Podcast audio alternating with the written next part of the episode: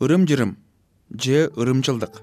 Бул адамдын күнүмдүк турмушунда балким кайгырганда же кубанганда колдоно турган эстей турган түшүнүк же ишеним. Бул адамдын улутуна жана коомдун өзгөчөлүгүнө карап анын түрлөрү дагы ар башка болот. Адам катары турмушта анын колдонулушу нормалдуу нерсе катары кабылданат а бирок ырым жырымдар же ырымчылдык саясатта мамлекеттик деңгээлде кабыл алына турган чечимдерге таасир этсе кандай болот? Саясатта ырымчылдар көппү? Биз мына эркиндик үнү подкастынын бул чыгарылышында ушул темага кайрылабыз. Саламатсызбы? Мен түмөнбай абдинаби уулу азаттык радиосунун эркиндик үнү подкасты. Мамлекет башчыбыз урматтуу президентибиз садыр нуркожоевичтин өзүнүн э, кеңеши менен мына ушул вариант чыкты да. Учурда кыргызстанда тууну өзгөртүү демилгеси дагы эле актуалдуу бойдон калууда. Жогорку кеңеш символду өзгөртүү демилгесин биринчи окууда аягына чейин талкуулабай туруп эле э, кабыл алды. Анын алдында президент садыр жапаров атайын кызматтын башчысы камчыбек ташиев да бул демилгени колдой турганын айткан. Кийин министрлер кабинети дагы берген корутундусунда айрым учурларды белгилегени менен тууну өзгөртүүнү кубаттаган. Ошентип бийлик бир көз караш менен тууну өзгөртүүгө ынтызар болуп турат. Коомчулукта буга каршы пикирлер дагы басымдуу. Алардын айрымдары өлкөдө туудан башка маанилүү маселелер бар экенин белгилеп жатышат. Бул үчүн жарандарды тынч митингге чакырган активист автандил жоробековду милиция кармап массалык башаламанды уюштурууга айыптап сот аны эки айга камады ушундай көз караштарга каршы пикирлерге карабай бийлик эмне үчүн бул көздөгөнүнөн тууну өзгөртүү демилгесинен кайра тартпайт деген суроо бүгүнкү күндө актуалдуу. Журналист аскер сакыбаева бул көрүнүшкө мындай баа берди.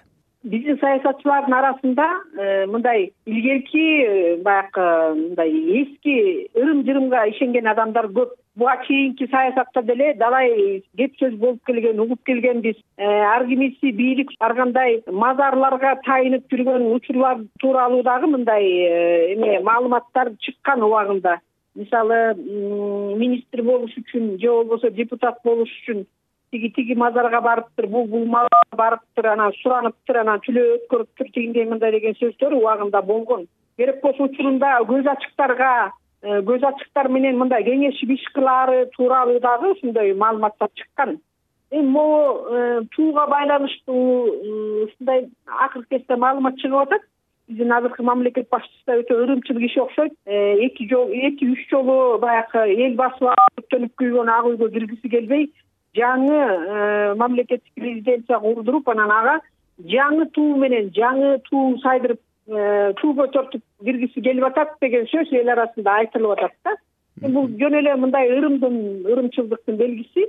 Мындай азыркы биздин э, мамлекеттик саясатта жасалып аткан иш аракеттерди байкап туруп мындай ушунчалык жаның кейийт себеп дегенде мындай реалдуу иштер менен элдин аң сезимин өстүрө турган элди алга жетелей турган же болбосо экономиканын мындай өсүшүнө булактарды ачып бере турган иштер менен алек болбой тескерисинче ушул туу сыяктуу тууну алмаштыруу же болбосо бир ушундай бир мындай болбогон мындай жер тегирмен сыяктуу иштер менен алектенебиз да бирок мыйзам демилгечилери аны колдогон депутаттар жана президент жалпы эле бийлик мунун ырым жырымга тиешеси бар экенин же ошол өңүттөн чечим кабыл алынып жаткандыгын белгилеген эмес.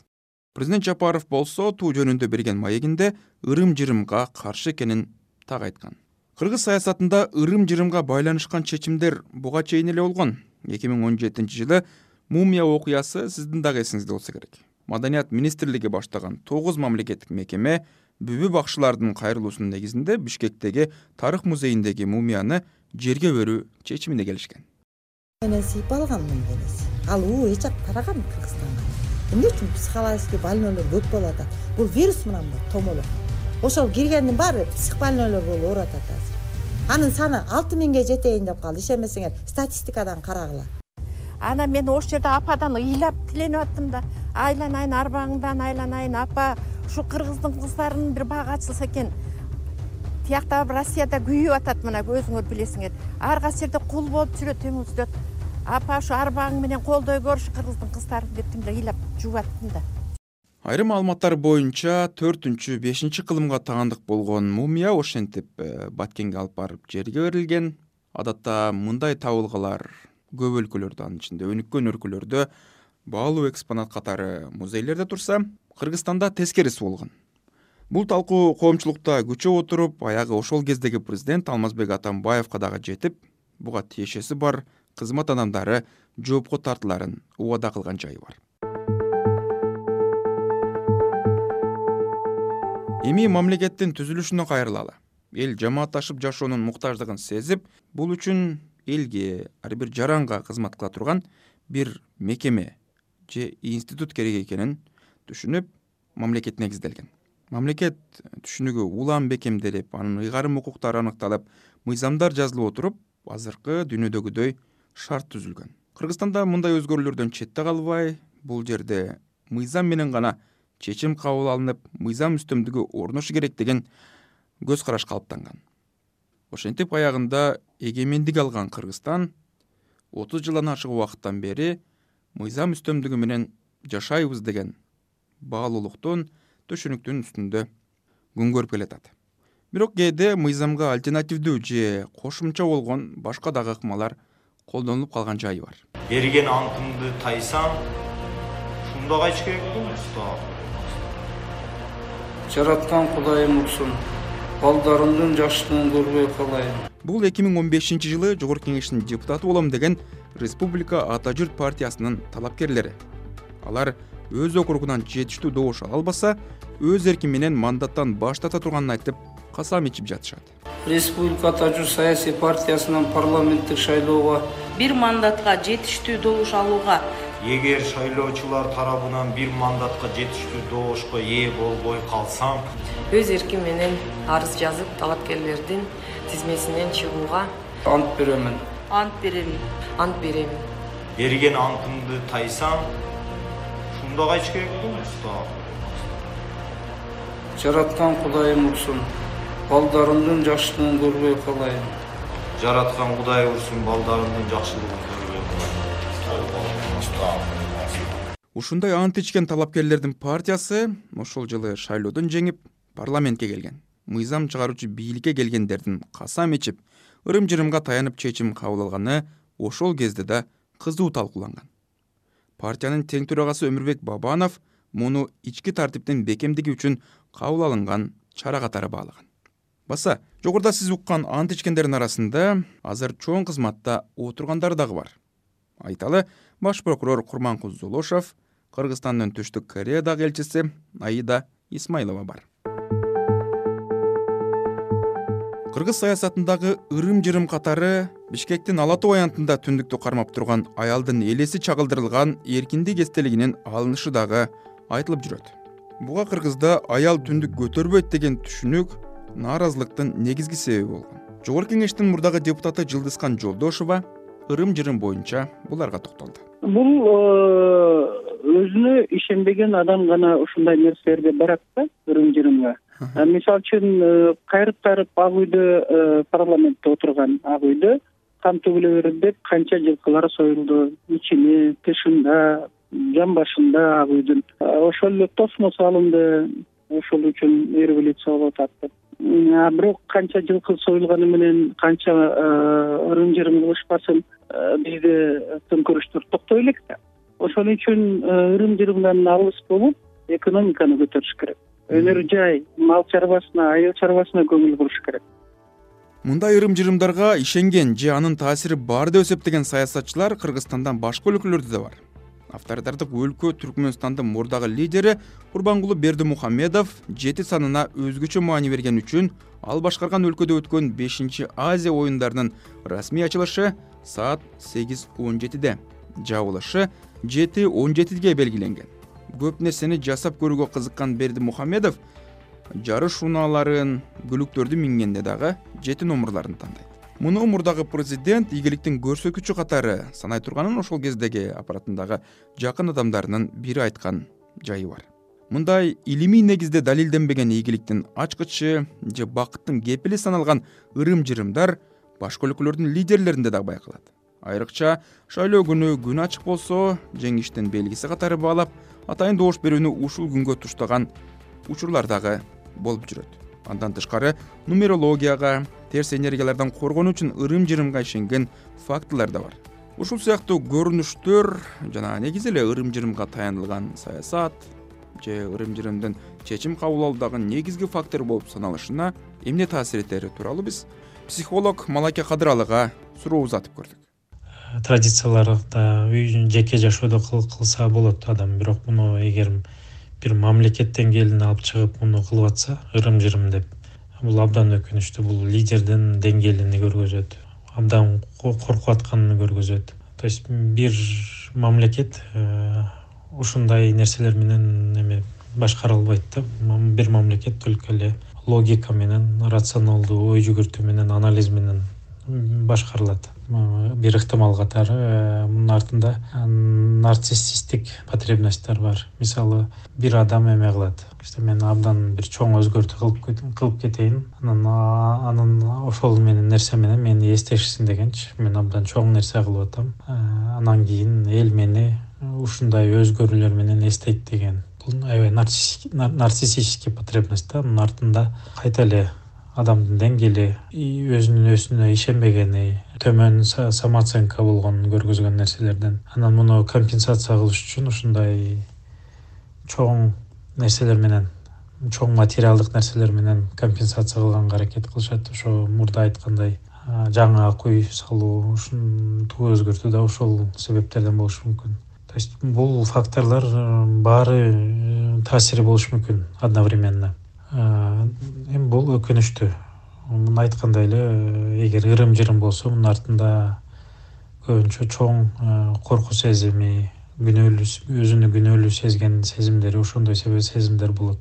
Эффект даннинга крюгера деген эффект бар социальный психологияда. Анан ал жерде ушундай нерсе байкашкан да бир адамдын деңгээли канчалык төмөн болсо компетентности канчалык төмөн болсо көбүнчө андай адамдар өзүнө көп нерсе билем көп нерсе кыла алам деп ойлошот. Бул адамга келип андай кылбай эле кой мындай мындай деп потребностьтер бар туу өзгөртүүнүн мааниси жок деп айтсаңар алар силерди мындай угуп дагы койбойт да всерьез дагы албайт мен кылып аткан нерсе туура мен билем мен жакшыраак билем деп ойлогон үчүн бул конечно мындай ой жүгүрткөн адам конечно абдан уверенный көрүнсө да артында абдан чоң неуверенность бар мындай адамдардын артында. Демократиянын негизги принциптеринин бири бийликтин элге жарандарга берилишинде. Жарандык коом активдүү жигердүү болсо мамлекетти көзөмөлдөп өз талаптарын аткарта алат. Бирок ой жүгүртүп кырдаалды талдай ала турган катмар жок болсо ар кандай манипуляция менен бийлик өз чечимдерин элге туура көрсөтүп дайыма туура чечим кабыл алып жаткан образды жаратып алат. Малаке кадыралы ырымчыл саясаттын болуп болбошунда коомдун ролу дагы чоң деген ойдо. Норвегияда эстонияда бул болмок эмес. Ушул элдин ой жүгүртүүсү билим деңгээли башкача ал жерде. Саясатчылар да көбүнчө популист болгон үчүн ошол өзүнүн шайлоочуларына карап ошого карата да позиция алышат. Мисалы буга чейин деле болбоду беле президент министр здравоохранения чыгып алып эч э, мындай бир эмпирический исследование болбогон научный исследование болбогон мисалы аканетичкиле деген кандай болсо бул эл муну мындай резонанс болгон жок да. Эл муну мындай нормалдуу эле кабыл алды. Президент же министр здравоохранения норвегиянын министри здравоохранениясы чыгып туруп аканетичкиле десе эл деген норвегияда кет демек эффект меньшинства же minority influence деп. Бул социальный феномен да социальный психологияда бир ушундай феномен бар. Азчылыктын таасири деген эмне? Азчылык бул деген эки үч же андан көбүрөөк группа көпчүлүктүн позициясына кармашпайт. Көбүнчө бир өзгөчө ойлору бар.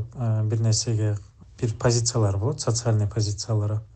Көз караштарында ой жүгүртүүлөрүндө риторикаларында туруктуу жана ийкемдүү болсо э, эң негизги фактор бул жерде туруктуулук. Узун убакыт э, туруктуу боло алышса ошол социальный феномен эме дейт что кээ бирде э, ушул азчылык көпчүлүктү өзгөртө алат деген нерсе бар. Эгер туруктуу болушса узун убакыт бир позицияларында туруктуу болуп улантылышса буга өрнөк көптөгөн эме социалдык эмелер движениялар буга өрнөк балким ганди болушу мүмкүн. Өзү жалгыз эле баштап туруктуу болгон үчүн өзүнүн принциптеринде позициясында бара бара көпчүлүктү анан положенияны жагдайды өзгөртө алды ар бир адам диний же ар кандай салттык ырым жырым ишенимдерин тутунууда эркин жана бул өз эркин деген маселе. Бирок илимге кандайдыр бир изилдөөгө талоого жатпаган ырым жырымдардын мамлекеттик чечимдерде колдонулушу өлкөнүн өнүгүшү үчүн салым кошоору күмөн. Балким терс таасир этип туура багытты аныктап ага умтулуусунда тоскоол болуп калышы дагы толук мүмкүн сиз эркиндик үнү подкастын уктуңуз. Аны мен түмөнбай абдинаби уулу даярдадым. Биздин подкасттардын түрмөгүн азаттык чекит орг сайтынан азаттыктын мобилдик тиркемесинен жана башка подкаст таянчыларынан дагы таап уга аласыз. Аман туруңуз. Азаттык радиосунун эркиндик үнү подкасты. Ой жана сөз эркиндиги саясий укуктар. жарандык коомдун орду жана салмагы мамлекеттик түзүлүш. Жана мыйзам үстөмдүгү тууралуу кызыктуу талкуу маектер. Подкастты apple google spotify аянтчаларынан жана азаттык орг сайтынан угуңуз. Эркиндик үнү эркиндик үнү